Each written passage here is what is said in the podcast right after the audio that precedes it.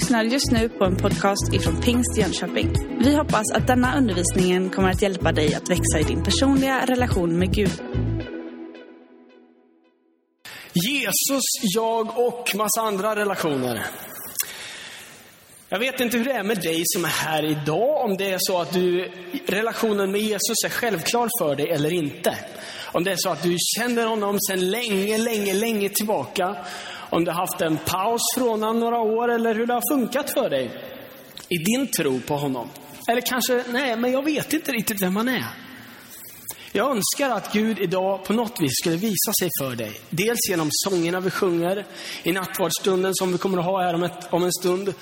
Och även bara i Guds närvaro. Jag skulle vilja tipsa dig nu att lyssna mellan raderna. För jag kommer prata massa ord.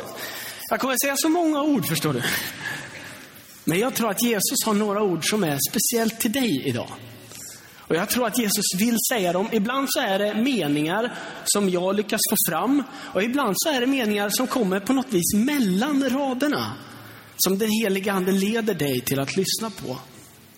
Så jag vill bara säga, sitt lyssnande och öppen för vad Gud vill göra. För jag tror han vill göra något stort i dig och mig idag. Jag har vuxit upp med ett gäng kompisar, förstår ni. Vi var, vi var ett gäng grabbar i samma ålder ungefär. Och eh, vi eh, hade sjukt roligt. Alltså vi var sådär riktigt tajta, ni vet när man växer upp och man går i söndagsskola tillsammans, man leker på helgerna. Man går nästan, ja men flera hade jag i min klass. Och så växer man upp så här längs med barnåren och man kommer riktigt nära varandra. Man vet väldigt mycket om varandra. Man vet om de där bra grejerna och man vet också om de dåliga. Ni vet, ibland så gör man sådär dåliga grejer så att folk kommer ihåg att man gör dåliga grejer. Så att man får namn efter dåliga grejer. Vi var jättebra, på ett dåligt sätt. Men vi var väldigt bra på att ge varandra dåliga namn. Vill ni höra några? Ja, här kommer några. Det här till exempel Klutten. Man undrar ju var det kom ifrån. Klutten, Esch, Kissen, Skalman, Peps, Mats. Eh, någon fick heta Det slimiga äcklet. Porslinshunden, Gli, Giraffen, Danuska Fuska. Ja, vad i hela världen vill jag komma med detta? Ni vet, ibland så finns det saker och ting som du och jag gör som kommer, koms ihåg för att vi bygger på ett dåligt sätt. Att vi gör ett misslyckande. Om man blir märkt för livet på ett dåligt sätt. Det här var ett enkelt namn. Men när man är tonåring, då kunde de där namnen sätta sig lite oskönt. Jag vet inte om du har människor runt dig som du tittar på och som du funderar på och du minns deras dåliga sidor. Du minns deras misstag i livet och någonstans så har du kapslat in dem. Så när du tänker på den här personen så har du också med den där händelsen. Ni vet, Jesus, så som jag känner honom, så är han totalt annorlunda. Han är inte den som kommer ihåg Mattias Maxstad för Mattias misstag.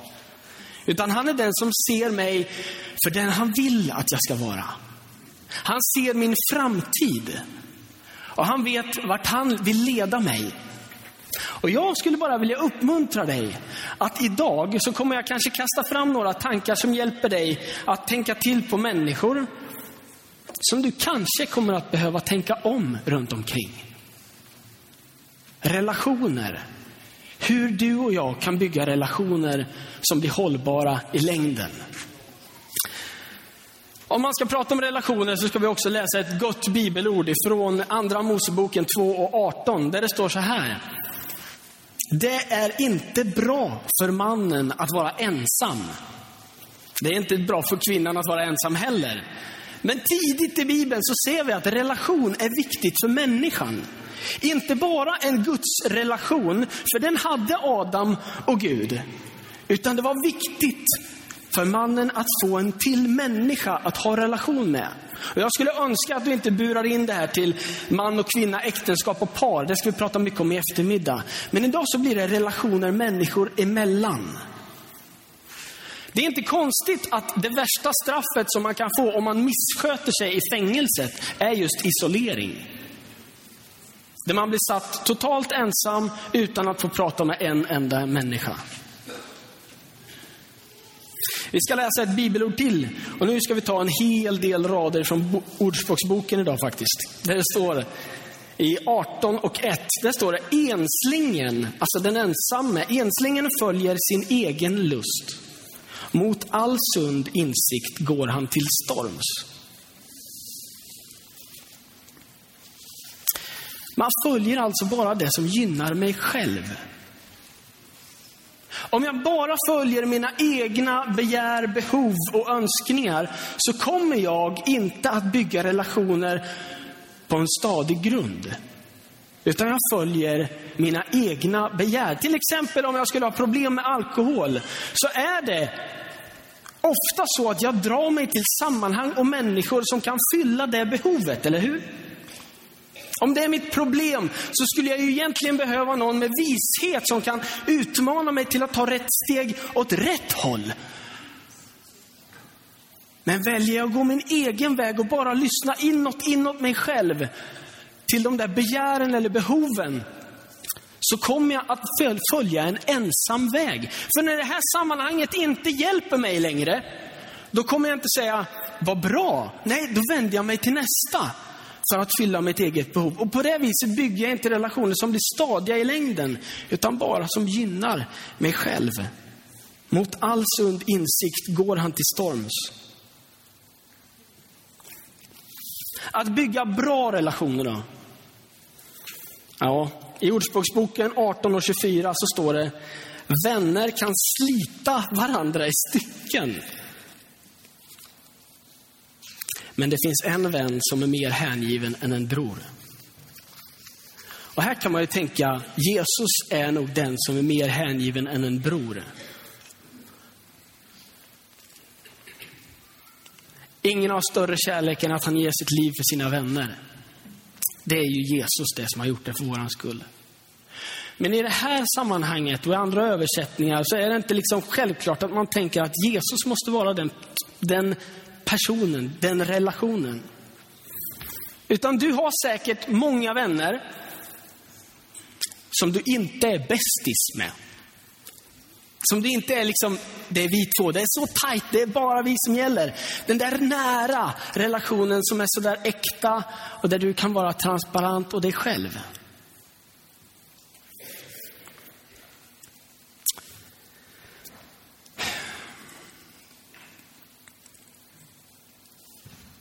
Den människa, om vi tar nästa bibelord, så står det i Ordspråksboken 18 och 24.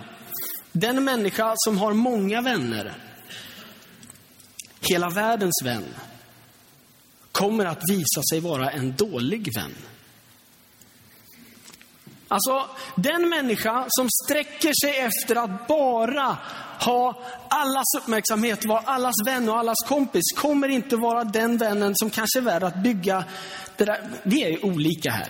Jag kan nog säga att jag, är nog, jag gillar att ha många relationer.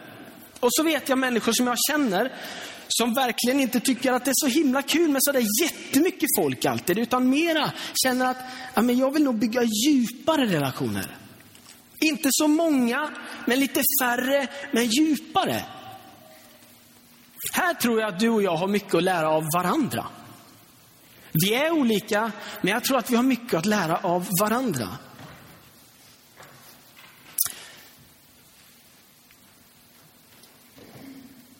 Man brukar säga så här att när, det går, när någonting går dåligt, när, när det blir illa,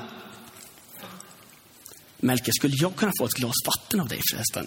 Bara en sån här skön paus. Man gillar ändå, ursäkta, jag tar, jag tar en paus och eh, ber om församlingen att ge en applåd för eh, våra två prao-elever. Ja, nu blev det ju Markus som kom upp, men de kan få en applåd ändå. Två fantastiska grabbar som har hjälpt oss att spela kontorstolshockey i fredags. Om du vill veta mer om det så fråga dem. När saker och ting går sönder i livet eh, så brukar man säga, då visar det sig vem mina riktiga vänner är. Men jag tror man behöver vända det på två håll. Jag tror också att när saker och ting går sönder i livet, och det här kan vara smärtsamt och det är inte alltid korrekt det jag säger nu. Men i en del, i en del situationer så visar det sig också vilken typ av vän jag har varit mot andra. Eller hur? Om det går dåligt för mig så kan jag inte bara ställa krav på andras ingång i mitt liv, att ni borde väl hjälpa mig nu. Utan någonstans där så kan man säga, det visar sig vilka som är riktiga vänner till mig. Men det visar också vem jag har varit en riktig vän till. Om vi har byggt en relation eller om det bara handlat om att jag ska få hjälp. För då kommer det behovet att fortsätta, även de tillfällen då det kraschar för mig. Fyll mitt behov, hjälp mig. Men vart visar det sig om du har byggt goda relationer med andra? I Ordspråksboken 17 och 17 så kan man läsa om lojalitet och vänskap. En väns kärlek består alltid. En broder föds för att hjälpa i nöd. Är du en broder som har fötts för att hjälpa någon i nöd? Är du en människa som vi älskar att hjälpa andra? När det går jobbigt för dina nära vänner, tar du avstånd då eller kliver du på? Och jag vill bara uppmuntra dig att kliva på för när det är jobbigt i livet, du vet, då är det, då är det det vi behöver mest. Människors uppbackning och stöd. Oavsett hur mycket man kan klanta till det och göra fel. Så är det i den situationen som du och jag behöver någon mer. Och jag skulle önska att du skulle se med större perspektiv och större blick och våga tänka att det är inte bara de tillfällena då jag kliver, alltså, där jag räknar. Har, har, vi, har vi en tillräckligt god relation för att jag ska hjälpa dig nu när du har hamnat i klistret? Att se med en större blick. Våga se med en större blick och lyssna till vad skulle Jesus ha gjort i den här, i den här situationen? Kan jag vara med och vara till hjälp för någon annan? Det står så här i Ordspråksboken 27 och 6 som ni ser där. Eh, vi backar en. Eh, vännens slag ges i trofasthet, en del av en vers där. Och här kan man ju tänka, vad i hela världen står det? Men du vet, ibland när människor är ärliga med mig så kan det kännas som ett slag nästan. Jag får höra någonting som var oskönt att höra. Men där gäller det att veta. För vänner säger till mig och rättar till mig tack vare sina goda motiv att hjälpa mig. Även om det är tufft för mig att höra och det känns som ett slag i magen.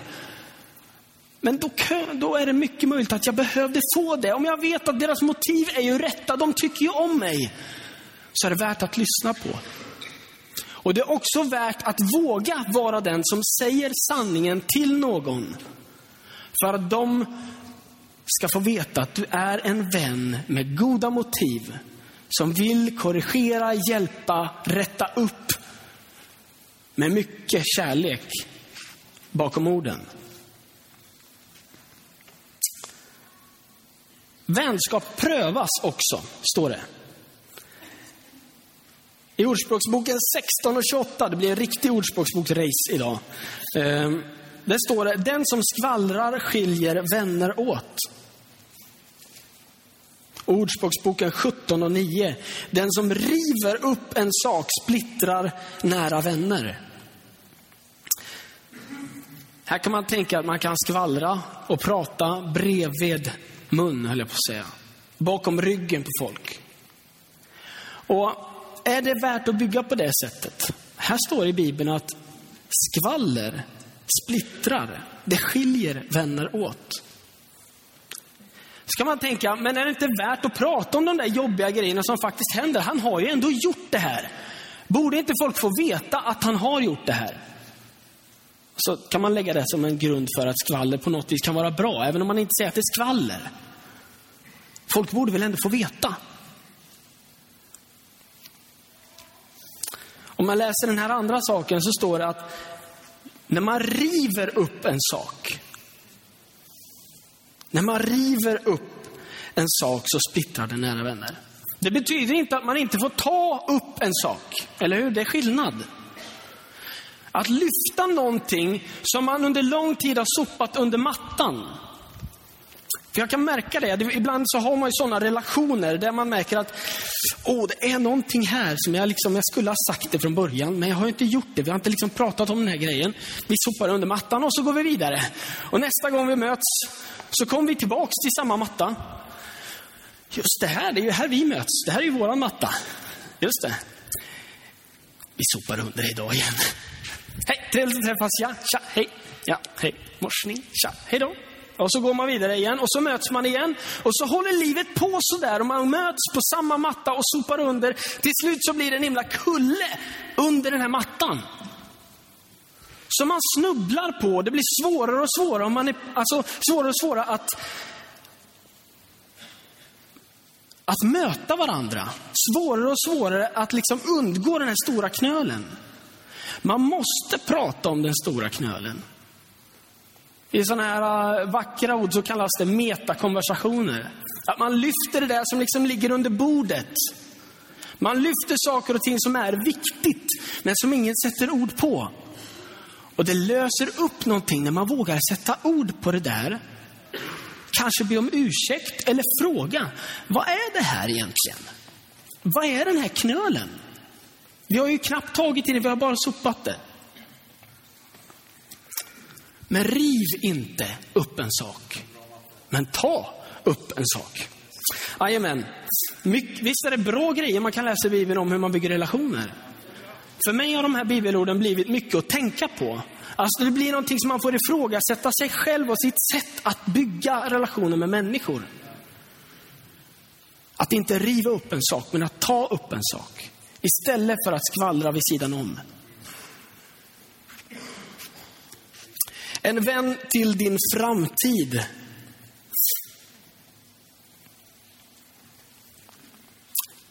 Vi tar nästa bibelord där. Där det står, den som umgås med visa blir vis, den som umgås med dårar går det illa för. Och det här kan man ju tänka, det är väl självklart att det är så, men eh, ja, det är det möjligen. Men det är också någonting att anpassa sig efter och leva efter. Kan man tänka, får man inte umgås med människor som har lägre IQ, eller är det där det handlar om? Alltså då, då vill ingen hänga med mig. Vet ni, jag, jag tror att det här är någonting som man kan tänka, vilka ska jag hänga med? Men det kan också handla om, vilken typ av människa vill du att andra ska uppfatta dig som? Är du en man vill umgås med för att du är vis? Vill man hänga med dig för att du är en vän till andras framtid? För att när man hänger med dig, då, då tar man, när jag kommer och är med dig, ni vet det finns sådana goda människor som när man möter dem så känner jag att det lyfter. Eller hur? Jag blir så glad, jag kommer därifrån och jag känner mig omtyckt. Jag känner mig älskad. Det känns som att folk gillar mig. Han, han vill vara med mig. Eller hon uppskattar det jag gör. Och det blir ett lyft för hela livet. Istället för att jag kommer och möter en människa som säger, ah, Matte, det där kan du allt bättre. Och nu, det kanske, han tar upp en sak nu då, som skulle, vad, vad bra att jag fick höra. Han kanske är en vän egentligen. Men så finns det ju de människorna som man är runt omkring och man smittas av någon typ av negativitet bara. Och du vet, negativitet, ren negativitet, som inte är konstruktiv, utan bara är på något vis har blivit en bitter, destruktiv livsstil. Att analysera och sänka saker runt omkring. Ren negativitet kommer inte att ta dig framåt i livet. Det kommer inte att ta dig närmare Jesus. Det kommer inte att bygga upp ditt liv på ett positivt sätt. Bibeln säger det här. Och då kan man tänka, men det negativa, han är väl vis? Han vågar ju ifrågasätta, han vågar ju sätta det på sin spets. Det är en helt annan sak. Men ren negativism, där allt runt omkring är sämre än det jag skulle ha presterat. Det för inte människor närmare Gud. Och här önskar jag att vi i våran kyrka skulle vara människor som man vill vara med för att vi räknas som visa. Inte för vår egen storhet och vår egen kunskaps skull, utan för att vi lever av Jesus. Och när han har gjort någonting i mig så blir det som att det flödar över mot andra. Här vänner, så önskar jag att du och jag skulle bygga relationer i våran stad där människor får se, inte att Mattias har så sjukt smarta tankar. Gigantisk intellekt. Wow, han borde vara med i de där äh, smartas klubb. Nej, utan för att jag har valt att hantera mina relationer med vishet utifrån Bibelns perspektiv. Och när vi bygger så, då kommer Guds välsignelse att regna över våra relationer till andra människor runt omkring oss. Den som umgås med visa blir vis. Den som umgås med dårar går det illa för. Lika dras till lika, brukar man säga. Se till att vara en som man vill dras till för att du hanterar dina relationer på ett gott sätt. Gör alltså visa val i vilka och vad du låter tala in i ditt liv och påverka dig. För kultur smittar av sig. Och se till att vara den som smittar med något gott. Det vill jag vara. Ett samarbete på bästa sätt. Nu ska ni få ett bibelord här som är liten text på. Men jag ska läsa det så att ni får se. Så här står det. Bättre två än en. Ty de får god lön för sin strävan. Om de faller kan den ena resa upp den andra. Men ve den ensamme. Om han faller finns det inte någon som kan resa upp honom. Likaså, om två sover tillsammans håller de värmen, men hur ska den ensamme hålla sig varm? Där den ensamme blir övervunnen kan två stå emot. Och en tredubbelt tvinnad tråd brister inte så lätt. Två människor samlas ofta kring någon typ av gemensam nämnare. Det kan vara familjen, men det kan också vara intressen. Och jag vill ställa en fråga lite grann så här. I ditt sällskap, vad är er gemensamma nämnare i ert, eh, er vänskapskrets, i ert gäng? Vad är det som händer där? Vad är det som gör att ni fortsätter haka i varandra? Mer än tradition. Ja, men jag har ju, det är svårt att skapa nya vänner nu. Ja, då är kanske det en gemensam nämnare. Eller är det ett intresse? Är det som man pratar? Är det för att ni är lika? Är det ert sätt att hantera livet, relationer, pengar eller inflytande? Vad är det som har gjort att ni fortsätter att mötas? Och jag skulle vilja uppmuntra dig som är kristen och har bestämt dig för att följa Jesus. Att med vänner som är frälsta, låt det synas att Jesus är en gemensam och förhoppningsvis den viktigaste gemensamma nämnaren för er. Vad är det ni samlas runt omkring?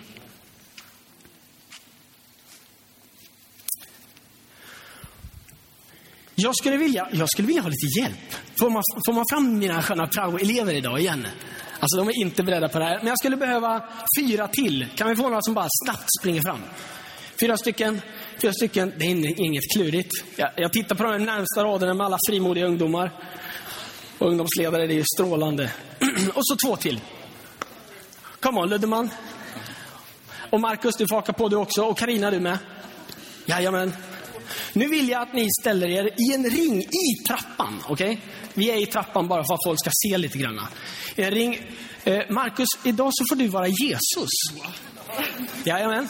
Du är ju väldigt lik honom, så välkommen att ställa dig här i mitten. Och sen så vill jag att ni andra ställer er tätt till honom. Eh, så att ni liksom har axel mot axel ungefär. Ser ni den här fantastiska, det är ingen ring, det är mer av en klump va? Men det, det, tanken är att det är en ring, så försök att hitta den. Här är alltså Jesus i mitten. Han är vacker och grann. Han har, ja det är bra. Här har vi då församlingen runt omkring. Det här är du och jag. Och vi vill ju såklart vara så nära Jesus som möjligt, eller hur? Vi vill såklart komma nära honom, för han är ju den vi följer. Vi har blicken fäst på honom.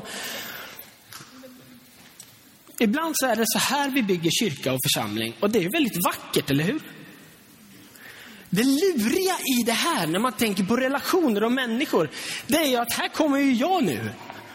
Och jag har ingenting med den här gruppen att göra, men jag är rätt så nyfiken på Jesus där i mitten. Jag, jag kan ju se honom någonstans. Och jag tycker att jag skulle vilja vara i närheten, men det är så sjukt trångt här runt omkring, eller? Det är sjukt tajt. Jag vill ju hänga med honom, men, men det är riktigt tajt. Jag vet inte vart jag ska gå in någonstans. Alltså, har ni någon bra idé? Vad, vad, kan man göra nu för att jag ska få komma in? Backa. Backa. Alltså, praoeleven Melker, go for it. Han, alltså, han kan alla bra svar. Så nu får ni ta ett steg tillbaka allihopa. Det här betyder ju inte att ni har tappat blicken på Jesus, eller hur? Ni följer fortfarande Jesus. Men jag får ju vara med nu. Woo! Jag får hänga med. Tack så mycket. Tja. Alltså, får man vara med här? Absolut. Ja, det är stort. Ge de här en varm applåd nu. Varsågod och sitt.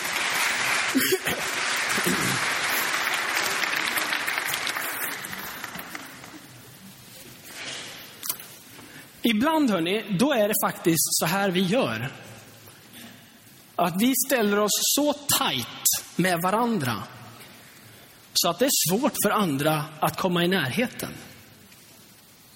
Och du vet, Jesus han innefattas inte i en ring. Men det står i Bibeln att församlingen, ringen runt omkring, är Kristi kropp.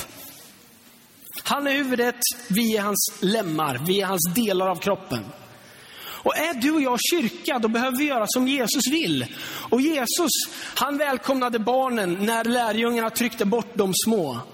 Han mötte den som ingen annan ville möta i samhället, för han var kärleksfull mot varenda en. Oavsett vad de hade varit med om tidigare, oavsett vad de hade gjort. Jag vill utmana dig och mig, för jag tror att vår största utmaning som församling när det gäller relationer, det är att skapa utrymme för andra att vara en del av församling. Att backa ett steg gör inte att du tar ett steg bort från Jesus. Men vad är er gemensamma nämnare, än en gång, i ert vänskapskrets? Vågar ni öppna upp för fler människor kan det vara värt att backa ett steg från varandra och skapa utrymme för någon annan att komma nära Jesus. Jag vill uppmuntra dig idag att våga göra det Jesus skulle ha gjort. Att på något vis öppna upp för andra människor. Vet du, när jag växte upp så fick jag en vän som kom till min klass och under konstiga omständigheter, höll jag på att säga, i ett spännande, lustigt samtal, där jag irriterade mig på att han sa Åh herregud, hela tiden när vi satt och spelade datorspel. Så ställde jag frågan till honom under väldigt mycket bävan under den här tiden. Eh, är han din herre? Eh, det kändes jättelustigt att säga det och påpeka. Men du vet, det satte igång någonting. Och när han gick hemifrån mig så hade jag hunnit ge honom en bibel och strykit under och lagt en lapp i Romarbrevet 10 och 9 där det står att man kan bli frälst. Och um, han, det dröjde några veckor och sen så möttes han och jag igen ännu en morgon för vi tog sällskap till skolan. Och så sa han när vi satt på cykel, och, Matte, igår blev jag kristen. Va? Vad sa du? Jag fick lära mig då att det kostar faktiskt att någon blir frälst som är min vän. Vi började hänga hur mycket som helst och jag älskade det. Det tragiska i den här berättelsen är att mitt kompisgäng, Klutten och Ish och Esh och Pesh och jag framförallt, inte var tillräckligt duktiga på att få min nya vän att känna sig hemma i församlingen. Och jag har tagit skada och ångrat mig bittert så många år. Och jag önskar att när Jesus kallar människor så ska vi vara en gemenskap och en församling som säger välkommen och vara en del av oss. Där du och jag får öppna upp våra liv och ge tid för den som verkligen vill möta Jesus. Vad har ni för gemensam nämnare bland er? i er vänskapskrets? Skulle ni våga att tillsammans ta beslut om att öppna upp mer än tidigare för andra människors skull? Jesus, nu vill jag be dig om din välsignelse, Herre, över de här orden som jag har sagt, Jesus. Och jag ber dig, Herre, om att du skulle landa dem i vårt hjärta på ett gott sätt. Jag tackar dig, Jesus, för alla dina visa ord vi får läsa i Bibeln. Och jag ber dig, Herre, om din välsignelse över oss. Att vi skulle få leva liv som är lik dig, Jesus. Och som får dig att le och njuta av vad du ser hos oss. Älskade Jesus, jag ber dig om att du skulle hjälpa oss och påminna oss om människor som vi behöver ta kontakt med. Människor som vi behöver göra upp med eller be om förlåtelse. Eller kanske ta upp kontakten med igen.